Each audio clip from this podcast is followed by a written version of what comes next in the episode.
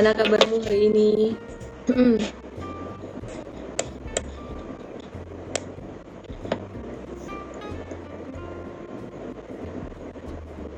Rendres, Kwangchen, Arifan, Chua Hudianto, Chua Yudianto, Eden Chan, Kosa Diatmo. Halo semuanya. Mukanya mengkilat. Aduh jangan gitu dong. Belum mandi nih. Jadi ketahuan.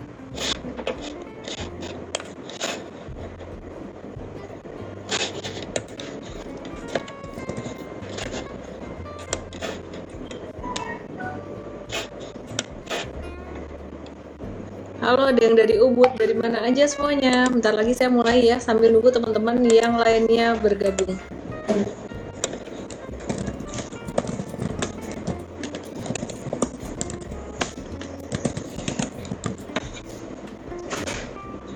Asam di laut, garam di gunung. Ketemunya di perut, jadilah asam lambung. Doron Rabowo. Apa ini?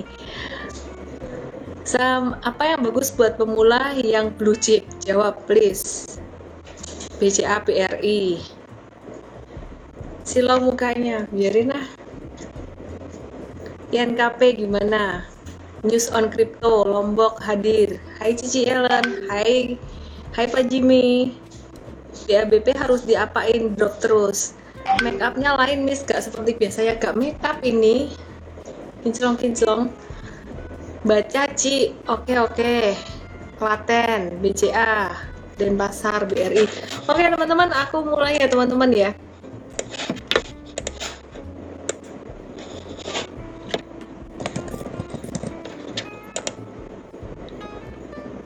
Ya, jadi setelah menguat selama tiga hari berturut-turut, IHSG itu tadi uh, udah bentuk doji gitu di resisten dan besok bisa berpotensi terkoreksi. Kok bisa tahu sih? Ya sebenarnya bukan tahu gimana, ini ngebaca chart aja. Nih, perhatiin kayak gini nih. Nah, ini IHSG nih, perhatikan ya, ini kena resisten di sini nih. Ini resisten kena di sini, ini dia mantul turun, ini dia mantul turun, ini kena resisten lagi, dia mantul turun.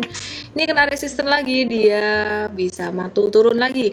Kalau misal perkiraan saya salah dan ternyata dia naik, ya wis, bagus dong gitu. Cuman hati-hati kalau misalkan dia e, menguat, ini masih ada satu resisten yang kuat juga sekitaran level 6200 sampai 6223 atau 6227 sekitaran inilah ya. Ya jadi kemungkinan besar sih besok bisa koreksi normal. Dan teman-teman sebenarnya nggak usah pusing sih IHSG mau ke mana yang perlu kita perhatiin adalah uh, banyak saham-saham yang growth-nya lumayan di tahun 2021 ini despite of IHSG-nya tuh pertumbuhannya tuh hampir nol, nggak bertumbuh sama sekali dari awal tahun gitu. Nah, beberapa hari ini tuh kalau kita perhatiin saham-saham komoditas uh, perbankan eh perbankan pertambangan terutama batu bara tuh udah mulai aktif gitu. Cuman teman-teman be very careful untuk pertambangan atau batu bara ini ini sebenarnya udah naik selama beberapa hari terakhir. Jadi teman-teman ini biar nggak dibilang glowing kayaknya aku pindah aja lightingnya tetap glowing ya ya jadi teman-teman kalau uh, teman-teman perhatikan aku kasih contoh aja misalnya Adaro Adaro Energy itu dia udah naik selama tiga hari berturut-turut. Tadi breakout cuman udah naik 3 sampai 4 hari berturut-turut. Memang breakoutnya volumenya lumayan sih. Uh, but we need to be uh, careful. Nah kalau M-Trade sendiri ini ada di ITMG aku cek ya ITMG nya M-Trade hari ini tadi udah jual atau belum? Ya ITMG hari ini M-Trade udah jualan profitnya sekitaran 4,9 sampai 6,3 persen gitu. Ya jadi lumayan nih uh, buat swing trading. Terus kemudian untuk PTBA PTBA hari ini juga tadi sempat naik pada gap up gap upan semua. Cuman tadi kita nggak beli kenapa? Karena candlenya kayak gini nih teman-teman nih ya. Jadi kalau yang ngerti technical candle kayak gini nih ini rawan. Ini rawan banget buat profit taking. Jadi udah di resisten terus bentuknya Gravestone Doji. Ini disebutnya dengan Gravestone ini kayak kayak nisan gitu loh. Jadi dibilang Gravestone ya ini jadi rawan profit taking di sini. Nah lain halnya dengan si Doit gitu. Lain halnya dengan Doit. Oke. okay. Do itu hari ini baru pertama naik dan volume transaksinya lumayan tinggi. Makanya tadi M-Trade bisa masuk, tapi teman-teman kalau baru mau masuk besok tuh kayaknya udah agak telat gitu. Jadi uh, M-Trade waktunya profit taking, teman-teman baru masuk deh gitu. Ya, jadi uh, Do it ini dia baru di stage satunya dan masih bisa jangka panjang jangka pendek tuh naik sampai 330 sampai 3 330 dulu deh. Uh, ini untuk short termnya gitu mau nutup gap itu uh, apa tuh ya Patreon 88B Ini ada pertanyaan dari Elena Natasha. Baru-baru ini dengar kabar tentang taper tantrum, apa betul akan ada? Gimana menurut Miss Ellen dan pengaruhnya terhadap IHSG itu gimana? Gitu. Sebenarnya kemarin aku ada bahas banyak nih tentang taper tantrum dan juga Evergrande bareng dengan uh, bareng dengan Richard gitu, Richard Suherman kemarin Head of Equity Research dari Sinarmas Asset Management.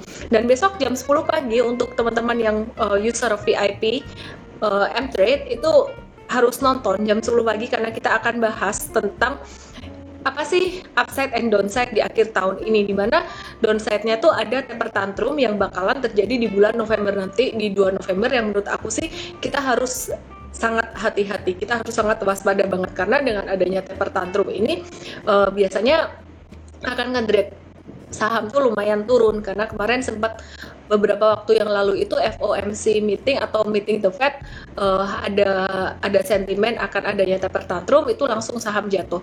Cuman cuman perkiraan kita tuh efek uh, taper tantrum ini tuh nggak bakalan sampai separah tahun 2013 kemarin. Kenapa? Seperti yang kemarin kita bahas ya dalam Instagram Live Pass kemarin itu bahwa foreign inflow yang masuk di tahun 2020 sampai 2021 itu nggak segede seperti di tahun 2008 sampai dengan 2012 gitu ya. Dan waktu itu memang benar-benar cukup lama. Kasih stimulusnya tuh stimulusnya cukup lama sampai sekitaran 5 4 5 tahunan. Kalau ini kan cuma sekitaran satu tahunan gitu. Dan kalau dari data yang aku dapetin ya uh, Menteri Keuangan kita Sri Mulyani juga mengatakan hal yang sama bahwa saat ini tuh sebenarnya kita udah mulai harus mengantisipasi tentang uh, inflasi. Jadi di beberapa negara kayak misalkan di di Brasil itu inflasinya lumayan tinggi. Bahkan bukan cuma di Brasil let me check ya.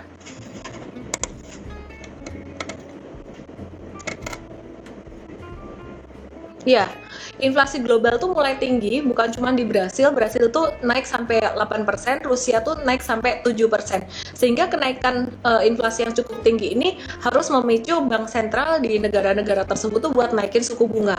Dampaknya apa? Kalau naikin suku bunga, uh, kebalikannya dengan saham. Biasanya kalau suku bunga turun, saham naik. Tapi kalau suku bunga naik, saham tuh bakalan bisa turun atau bakalan bisa terkoreksi gitu.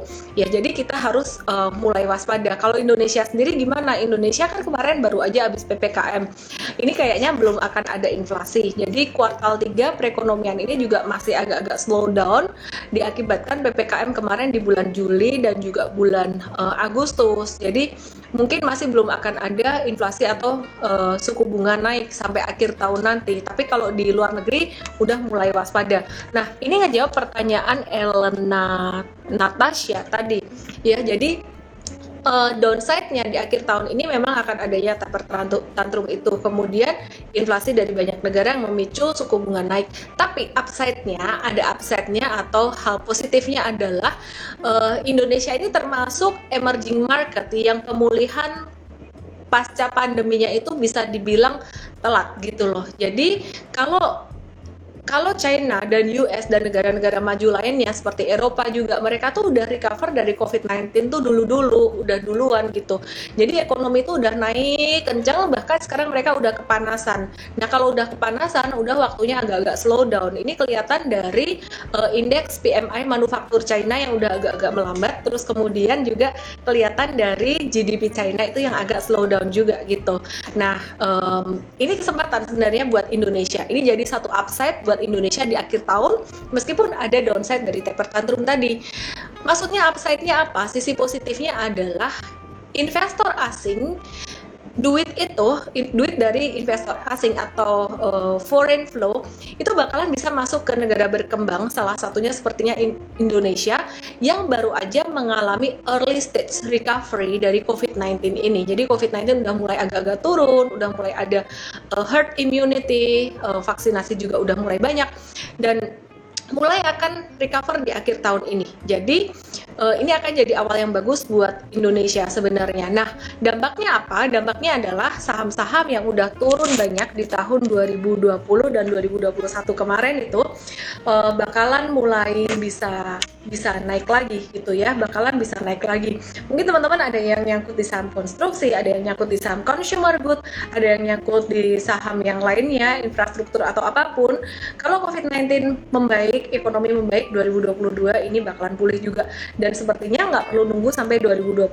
Kalau saya perhatikan saat ini di September dan Oktober 2021 ini uh, sepertinya akan menjadi bottom market di mana banyak saham yang udah turun dalam dari Januari sampai sekarang tuh udah mulai membentuk uh, recovery pattern. Contohnya adalah kemarin konstruksi itu udah membentuk recovery pattern dan masih akan berlanjut dalam jangka menengah.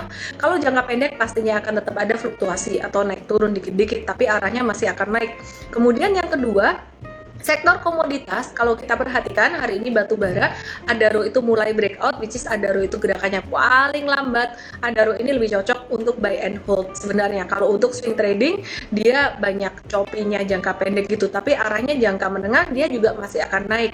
Nah, sebelum aku lanjutkan, aku mau kasih disclaimer dulu nih teman-teman bahwa semua yang aku omongin ini ini berdasarkan analisis fundamental dan teknikal. Meskipun demikian, tetap akan ada uh, resiko fluktuasi yang teman-teman mesti antisipasi antisipasi dengan menggunakan uh, risk management. Salah satunya adalah diversification gitu. Jadi jangan all in mungkin satu saham tuh maksimal 10% atau 20% aja. Oke aku lanjutin ya. Jadi tadi selain konstruksi yang kedua adalah uh, pertambangan batu bara itu mulai bisa akan uh, recover ya. Yang paling cepat naik tuh ITMG dia yang paling sensitif dengan pergerakan harga batu bara. Kemudian yang lainnya yang bisa ngikut tuh kayak Indi, Doit dan lain-lain. Doit itu kontraktor batu bara gitu. Nah, kemudian yang uh, bakalan menguat lagi dalam jangka menengah kalau jangka pendek masih copi-copi aja gitu. Itu ada sektor uh, komoditas pulp and paper juga minyak ya. Jadi pulp and paper contohnya yaitu Indah Kiat, INKP dan juga Ciwi Kimia atau TKIM. Terus kemudian kalau untuk untuk uh, minyak itu kita ngelihat uh, Medco dan juga Elsa ini juga mulai masuk dalam masa akumulasi. Nah, sektor-sektor yang aku omongin ini ini semuanya untuk jangka menengah, bukan short term aja. Mungkin short term bisa lah buat TikTok TikTok itu bisa. Cuman uh, fokusnya untuk jangka menengah. Jangka menengah tuh berapa lama sih? Jangka menengah itu sekitaran kalau sekarang September Oktober sekitaran ini tuh biasanya jadi bottom secara historical uh, dia bakalan naik tuh sampai Desember Januari. Januari itu bakalan banyak profit taking. Jadi kalau ngelihat secara historical kayak gitu, Januari Februari itu udah agak-agak slow down. Oke, okay, thank you Elena Tasi ya buat pertanyaan kamu yang bagus banget. Kamu bisa dapetin MTrade 7 hari dengan cara uh, kirim ke DM saya MT 7 nama email dan WhatsApp. Which HP-nya mau jatuh. Um, besok libur, iya tahu besok libur.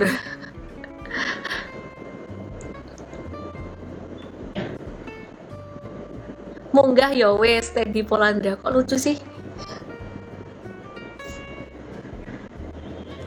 Munggah ya wes gak munggah ya wes gitu ya. Pasrah banget ya Oke teman-teman sebelum aku lanjutkan kita lagi masih hiring terus. Kita hiring terutama kalau yang di sini sih mungkin yang paling cocok aku sebut adalah kita lagi masih nge-hiring terus untuk coach dan juga trader yang which is aku akan nurture sendiri dan aku suka banget kalau coach dan trader ini uh, yang masih yang masih mungkin masih ini ya masih polos gitu ya. Fresh graduate boleh we welcome for the fresh graduate. Kalau bisa jurusan akuntansi IPK di atas 3,6 ya. Jadi langsung aja uh, apply ke mtrade.id garis miring coach. mtrade.id garis miring coach. Untuk posisi yang lainnya kita ada uh, rekrutmen juga di mtrade.id garis miring karir. Uh, kita lagi rekrut head of engineering ya head of engineering. Oke okay, dan banyak posisi lainnya termasuk juga uh, marketing manager konten manager pun kita cari juga. Jadi teman-teman yang di sini uh, suka banget bikin kurikulum edukasi dan suka saham suka kripto boleh ya langsung apply di situ jadi konten manager. Tapi kayaknya belum aku up jadi DM aja dulu. Oke besok ada event event bagus banget jam 10 pagi untuk teman-teman user VIP Mtrade. Jadi yang belum user VIP daftar dulu aja dengan klik link di bio. Ya, jadi uh, besok kita akan bahas tentang strategi trading dan investasi kuartal 4, membahas semua yang aku sebutkan tadi tentang Evergrande, tentang apa lagi ya? Uh, taper tantrum, tentang window dressing dan semuanya. Oke. Okay. Aku akan bahas mulai banyak bahas saham. Yang pertama aku bahas tentang oh ya Evergrande ini dia belum bisa bayar bunga obligasi loh teman-teman. Udah lewat jatuh temponya gitu. Jadi kita memang harus agak-agak waspada juga ya. Kalau misalkan uh, pemerintah China nggak kasih bailout dan dia default gitu itu bakalan berdampak secara struktural ke sistem perbankan ya. Perbankan uh, China dan lumayan gede ukurannya utangnya dia tuh sekitar 2% dari GDP China. Jadi ya kita yang saham-saham yang uh, kurang bagus kayak saham-saham yang fundamentalnya kurang bagus ya kita trading aja dulu deh ada yang menarik dari sektor batubara. Ada yang menjadi sentimen positif dari sektor batubara itu datang dari Inggris. Nah, Inggris itu dia banyak menggunakan tenaga listrik itu dari gas alam. Nah, harga gas alam ini sekarang lagi naik banget di Inggris. Jadi mereka memilih alternatif lain untuk uh, menjadi bahan bakar yaitu batu bara. Nah, maka dari itu harga batu bara jadi bisa uh, naik terus meskipun batu bara ini dianggap komoditas yang paling nggak ramah lingkungan, tapi diperluin. Jadi ya anyway ini jadi uh, sentimen yang positif buat batu bara. Terus kemudian harga timah ini juga naik breakout, naik tertinggi sepanjang masa dan uh, disclaimer juga teman-teman kalau kita perhatikan tins, kemudian antam, antam tuh lebih ke uh, nikel dan juga emas, terus kemudian inco tuh lebih ke nikel. Ini lagi di area-area support gitu. Jadi ya gerakannya nggak terlalu nggak uh, terlalu agresif tapi bisa dilirik juga gitu.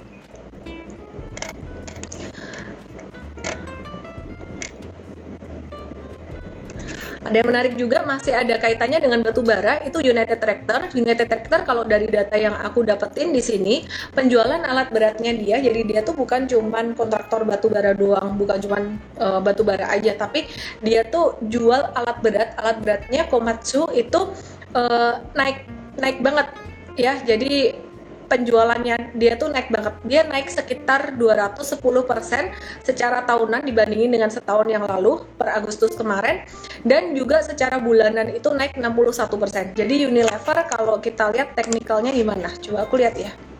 Eh kok Unilever sih? UNTR.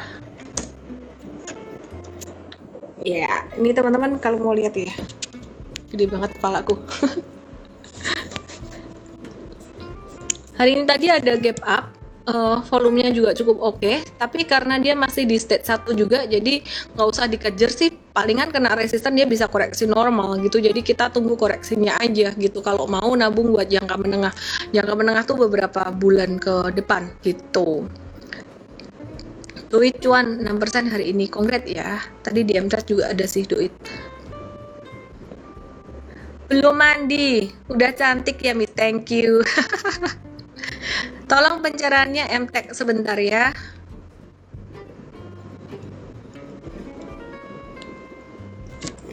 Indi bagaimana? Banyak banget aku bahas malam hari ini tuh saham-saham komoditi hari ini ini naik bentuknya mirip kayak duit tapi dia naiknya tuh masih di state 1 jadi belum breakout masih bagus ya. Buat teman-teman yang belum dapat sih uh, tunggu aja lah koreksinya. Ini masih bisa koreksi kok masih bisa koreksi normal gitu. Kenapa? Karena ini masih di state 1 jadi kalau misalkan dia udah uh, naik dari garis ini dari garis ini tuh angka 1600-an ini nanti dia naik ke stage 2 gitu ya. Jadi jangan khawatir teman-teman. Terus mungkin ada yang bilang wah sahamnya bisnis sebut di Instagram live turun. Bukan kayak gitu. Aku aku sebut saham tuh banyak. Kecuali kalau aku sebut saham cuma satu kamu boleh khawatir. Tapi kalau aku sebut saham banyak tuh broad banget gitu. Jadi memang kalau misalkan dia turun ya memang dia harus turun karena dia masih di state 1 ya. Jadi dia masih di state 1 artinya apa sih? Kalau masih di state 1 tuh masih banyak orang yang nyangkut-nyangkut dari atas dan yang beli di bawah tuh mereka masih mau profit taking. Istilah kata tuh psikologinya masih belum positif banget belum optimis banget gitu. Itu untuk indie terus kemudian doit dan lain-lain. Harum gimana? Oke, okay. Harum udah naik dua hari berturut-turut. Hari ini naik sampai 18 persen. Ya, ditunggu koreksinya aja teman-teman. Jangan dikejar, jangan dikejar ya. Uh, ini kena resisten 7675. Ditunggu aja. Kemarin M-Trade di ITMG sih ya. Jadi Harum ini memang cakep, tapi tunggu aja koreksinya. Jangan dikejar. BBRI full power nggak? Nggak. BBRI untuk investing aja sektor bank digital gimana? Udah selesai, ntar nunggu right issue, right issue-nya kelar dulu. Biasa kalau mau right issue itu terus turun. BBCA gimana nih mau stock split ya bagus lah kalau dia mau stock split biar lebih terjangkau berarti nanti demandnya akan jadi lebih besar lebih banyak gitu aku mau invite aku mau nge live dengan kalian deh udah lama udah lama nggak nge live bareng dengan uh, teman-teman semuanya. Boleh dong uh, request live di sini. Hmm. boleh request live di sini teman-teman.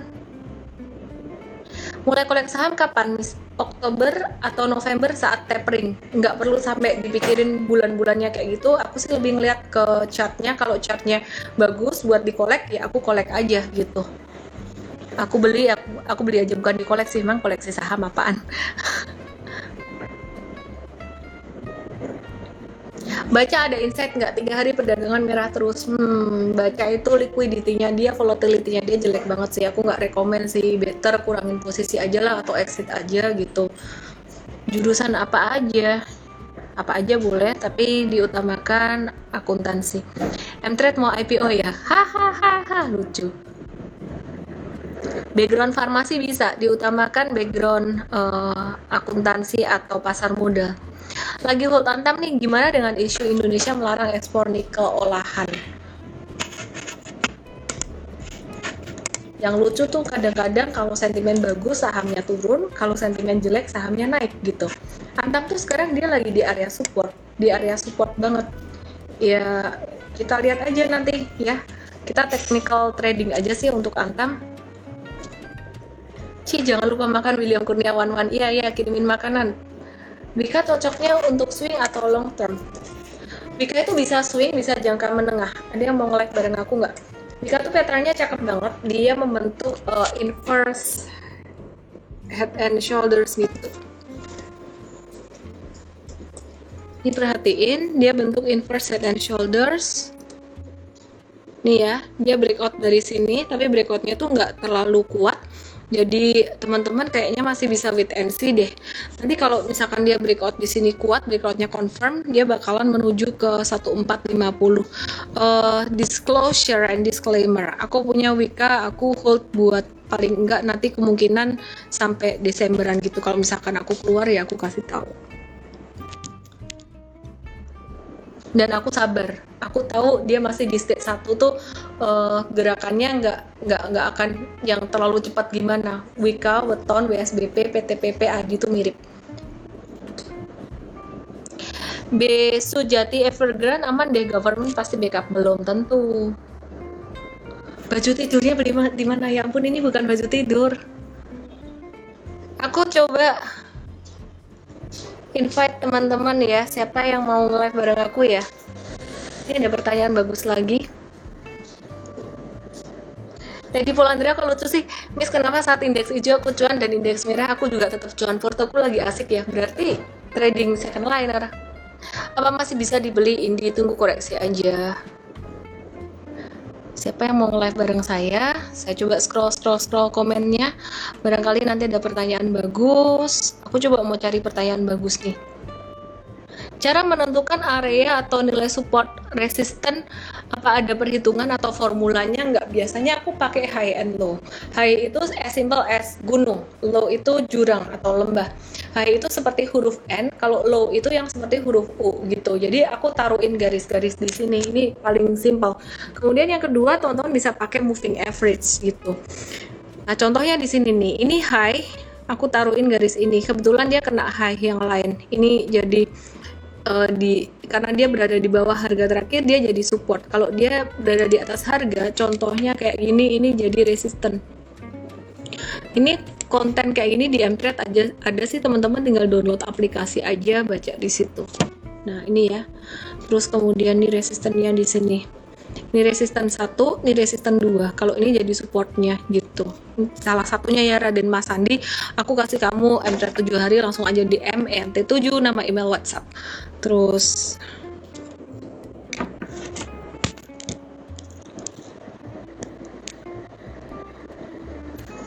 eh mau jatuh HP-nya. Uh, eh, BSKT ada ro tadi udah di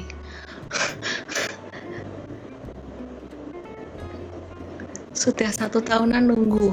Mau live, Miss. Oke, nanyanya yang bener ya. Go live with Hartani Himawan. Hartani Himawan. Ku satu tahunan nunggu. Prospek tech company ke depan seperti apa? Cornelius Cahyono masih oke, okay, masih bisa naik. Cuman beberapa yang udah overbought kayak di MMX ya itu waktunya profit taking dulu gitu. Udah waktunya keluar dulu sementara. Gimana dah caranya screening ratusan saham kok bisa ketemu yang gitu lagi low, gitu yang lagi low. Kiki Indrianto. Uh, lebih ngelihat ke frekuensi dan volume perdagangan itu yang pertama. Jadi kalau udah ngelihat frekuensi dan volume perdagangan yang saham-saham yang rame apa uh, itu kita mulai liatin secara teknikalnya atau secara chartnya. Jadi kalau kita ngeliatin kayak tadi saham-saham pertambangan batu bara terus kemudian ada konstruksi dan uh, saham lain mungkin ya itu kalau kita ngeliatin chartnya tuh bukan serta merta langsung chart langsung yang dilihat, tapi lebih ngelihat ke transaksi harian dulu. Mereka sempat rame, mereka sempat frekuensinya tinggi, mereka sempat volumenya tinggi, baru kita lihat chartnya. Karena percuma kalau misalkan dia chartnya di uh, support atau chartnya breakout, tapi sebenarnya volume perdagangan dia nggak tinggi, volume frekuensinya nggak rame, itu buat di trading itu bakalan lambat banget geraknya. Jawaban untuk Kiki underscore Indrianto karena pertanyaan kamu bagus, boleh uh, boleh ini ya, karena pertanyaan kamu bagus, boleh dapetin MT 7 hari DM saya MT 7, nama email dan WhatsApp. Teddy Polandra, ayo nge-live bareng aku yuk. Boleh with Teddy Polandra, nggak tahu dia approve nggak nih. Tadi ada yang minta request live, tapi begitu ku approve, hilang. Unilever gimana nih?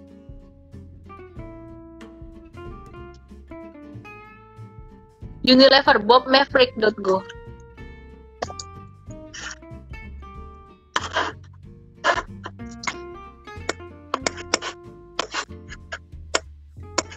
Unilever ini kayaknya dia dia kan habis stage 4 ya. Dia habis downtrend gini. Dia mulai akan ada tanda-tanda masuk ke masa akumulasi atau masa stage 1 di bawah. Tapi naiknya masih lama. Jadi kalau ditanya uh, Unilever dibandingin batu bara, bandingin dengan konstruksi, bandingin dengan uh, perbankan ya, dia masih akan yang paling akhir. Perkiraan sih mungkin mungkin baru akan jalan tuh Oktober atau November.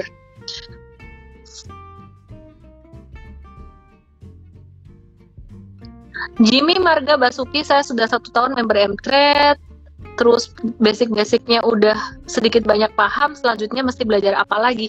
Ya itu aja daily daily itu uh, morning briefing terus kemudian setiap hari kalau ada saham yang kita review yang keluar di stock pick itu kalau mau beli dilihat dulu alasannya apa. Atau kalau tel takut telat ya dibeli dulu setelah itu baru dipelajari gitu. Jadi paling penting banget pas di menu hold itu ada tombol analisis dibuka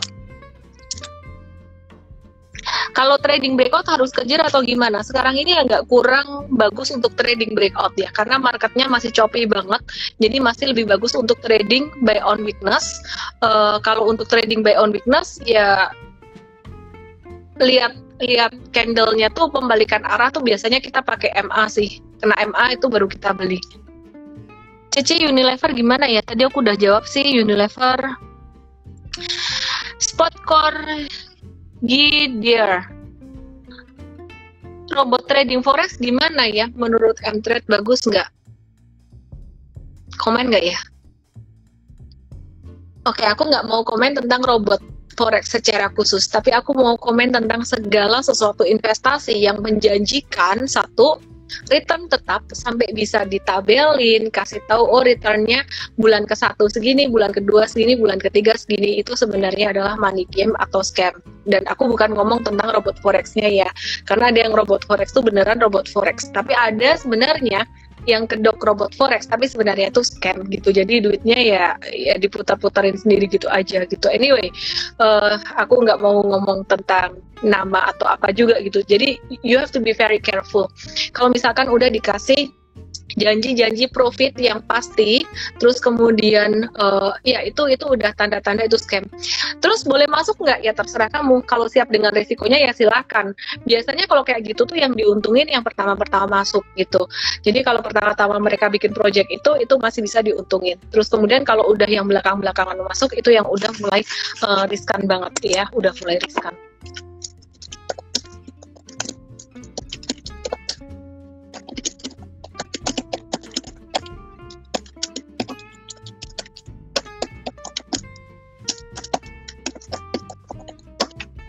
Oke.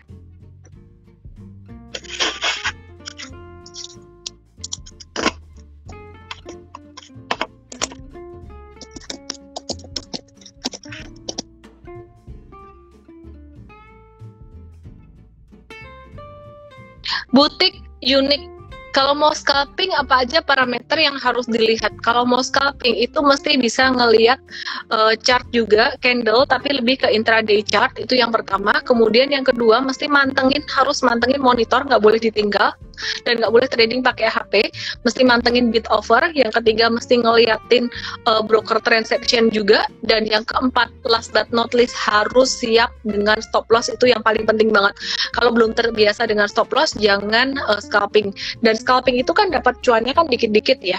Jadi uh, strategi money managementnya tuh harus strategi yang terkonsentrasi. Kalau strategi konsentrasi yang dilakukan adalah beli dalam jumlah yang banyak gitu. Nah kalau beli dalam jumlah yang banyak pasti cepat untung banyak, pasti cepat rugi banyak juga. Teman-teman kalau belum siap scalping, belum siap dengan strategi money management yang terkonsentrasi gitu, eh, teman-teman jangan jangan scalping dulu ya, jangan trading dengan cara kayak gitu.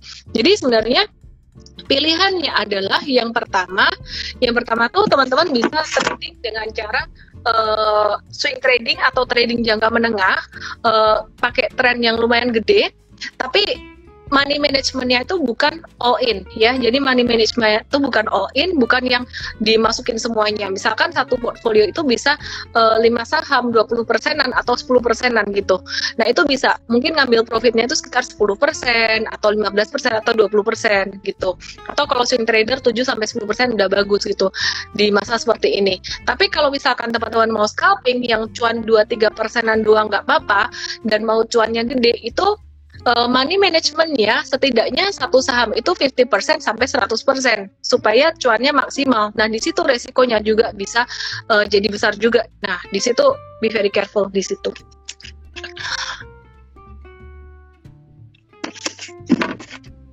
Oke. Okay.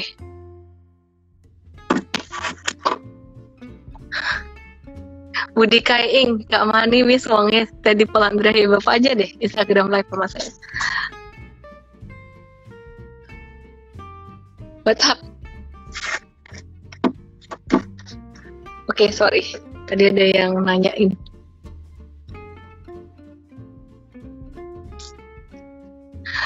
Anita Jul, Miss, kenapa ada yang volumenya besar, market kecil, tapi kenaikannya sedikit harga sahamnya? Volume besar, market kecil, kenaikannya sedikit harga sahamnya.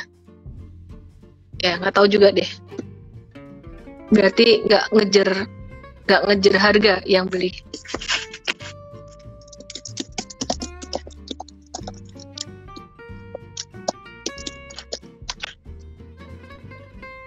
Oh ini pertanyaan bagus nih, tapi pertanyaan bagus dan simple.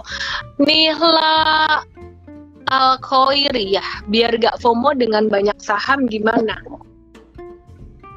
Biar nggak FOMO dengan banyak saham mindsetnya yang mesti dibenerin dulu dari awal bahwa trading saham itu nggak harus cepat-cepat kaya. Trading saham itu adalah proses. Seperti halnya kamu berbisnis seperti halnya kamu sekolah seperti halnya kamu belajar jadi dokter belajar jadi chef belajar jadi apa pun semuanya ada proses. Jadi fokus pada prosesnya gitu. Dan percaya deh kalau fokus pada proses nanti hasil pasti ngikutin BMHS di stage berapa? Stage 1. Cakep tuh BMHS ya. Disclaimer juga pastinya, aku ada kolek juga kumpulin BMHS pelan-pelan gitu.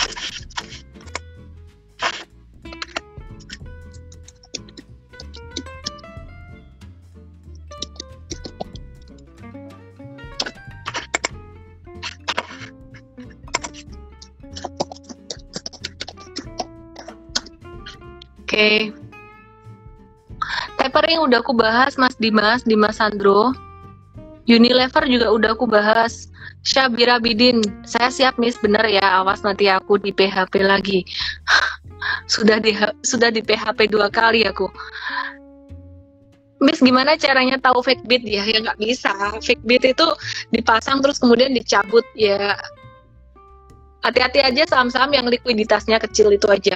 Kita nggak pernah bisa tahu itu beat beneran atau fake beat yang terjadi adalah kalau misalkan dicabut kita nggak bisa jualan. Itu aku pernah terjadi di baca terus di PTDU dan beberapa saham yang lainnya. Makanya be very careful dengan likuiditas. Halo dengan siapa di mana? Halo pak kameranya mungkin bisa diturunin dikit biar bisa kelihatan. Karena itu kepotong banget. Kameranya turunin dikit mungkin ya halo dengan bapak siapa halo ya selamat malam Selamat malam. Dengan Pak siapa? Dengan Sabir. Pak Pak siapa? Sabir. Pak Sa Sabir. Tera. Sabir atau oh, ah, iya. iya benar benar. Oke oke. Gimana Pak mau nanya apa Pak? Saya ini Ci, eh, saya udah uh, sekitar selama ini 2-3 bulan ikut di M-Trade. Saya sudah pelajari uh, ini ada pengalaman dikit lah cuman ini Ci saya um, kadang emosinya tuh terlalu over jadi eh, nggak uh, ngontrol jadi sebetulnya saham yang dibeli itu belum belum cuan terus nambah lagi yang lain jadi uh, artinya jadi uh, itu jadi apa namanya uh, jadi kadang-kadang itu porto jadi merah gitu Ci. Terutama ini Ci. Uh, WSKT WSKT saya udah sangkuter sampai uh, 15 15 uh, eh, apa average-nya 15 15 ribu.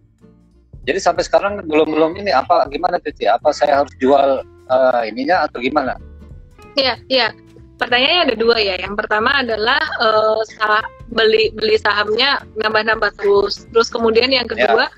Uh, ya kapan jualan gitu. Kemudian kalau yang pertama bicara yang pertama nambah-nambah terus sih sebenarnya sebenarnya mungkin mindsetnya yang perlu dibenerin kayak yang tadi di awal saya bilang itu bahwa fokus aja pada prosesnya gitu. Jadi kalau misalkan uh, ngerasa kayak wah trading saham ini aku pengen dapat return yang lebih cepat mungkin ya sabar dulu aja lah itu yang pertama kemudian yang kedua mungkin bisa diversifikasi kayak di kripto itu bisa jadi uh, bisa jadi diversifikasi juga tapi resikonya lebih gede jadi ya start small aja. Terus kemudian yang kedua kalau bicara tentang saham BSKT secara spesifik atau secara khusus sih ditunggu aja.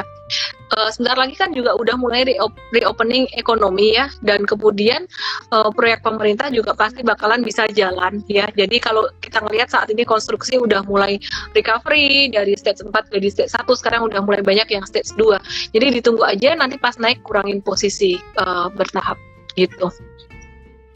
Oke oke oke. Satu lagi Ci. Ya halo? Satu lagi. Iya ya, itu Pura kira-kira bangun dari tidurnya sampai kapan sih ya? Oh Pura? Ya kayaknya entret nggak dari komen Pura lupa oh iya ya oke oke oke. Ya makasih sih makasih banyak.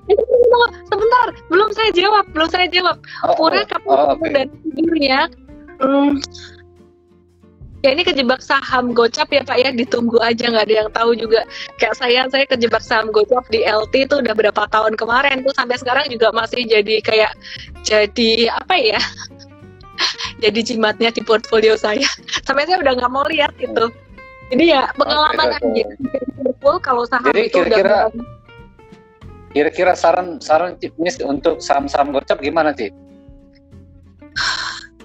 Sarannya ya satu sebenarnya kalau misalkan saham tuh udah mulai turun sampai ke level ini kan sebenarnya perjalanannya dia tuh turun di bulan Jun, Juni dari 100 dan seterusnya. Ini harus tega cut loss harus tega cut loss itu aja. Karena kalau nggak cut loss sampai jadi gocap itu jadi nggak bangun. Atau nggak jadi gocap misalkan dia kayak ARB terus terus kemudian nggak ada transaksi itu juga uh, itu juga itu juga jadi tantangan banget. Jadi yang jadi tantangan banget buat trader itu sebenarnya bukan masalah capital loss. Rugi itu nggak apa-apa, asalkan masih bisa jualan. Yang paling bahaya adalah nggak bisa jualan. Beberapa waktu yang lalu tuh saya kayak trading satu saham, ya PTDU aku udah sebut beberapa kali, uh, mau cut loss tuh nggak bisa karena nggak ada bitnya. Ya itu aja belum saham gocap gitu. Intinya likuiditas penting banget. Likuiditas tuh apa? Likuiditas tuh bit over. Jadi kalau bit iya. overnya itu kecil, nah itu hati-hati di situ aja. Nah ya. ini perlu ditunggu aja sih Pak. Nanti okay, begitu okay, ada okay, begitu okay, dia bangun langsung buang. Oke okay, oke okay, oke. Okay. Ini saran okay. teman-teman. Untuk saya juga yeah. as a reminder for myself. Sehat selalu. Selalu, Oke, okay, makasih sih, Miss. Makasih banyak. Makasih banyak. Thank you. salam cuan. Salam cuan selalu. Oke, okay, siapa lagi di sini nih?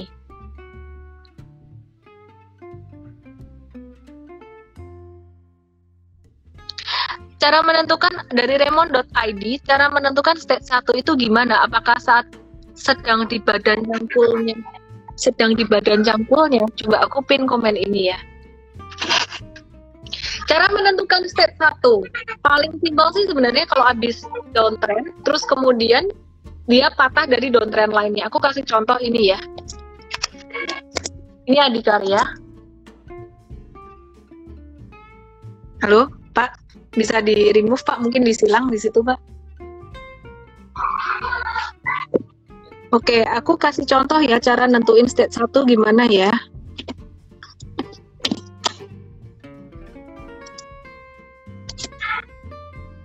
Ini aku tarik garis downtrend ini downtrend line.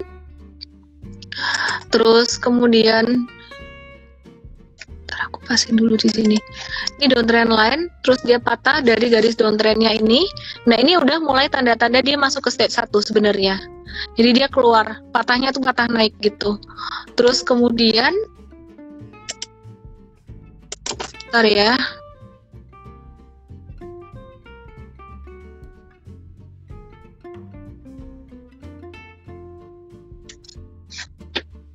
Kemudian setelah dia uh, keluar dari downtrend line ini, kita taruhin satu garis lagi, cari di area high-nya di sini.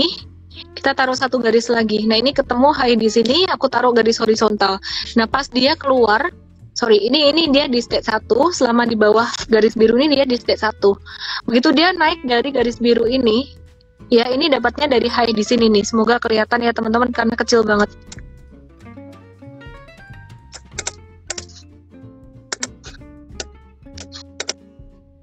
Ya, ini banyak banget garisnya karena banyak alarm. Cuekin aja yang oranye-oranye itu, liatin yang biru.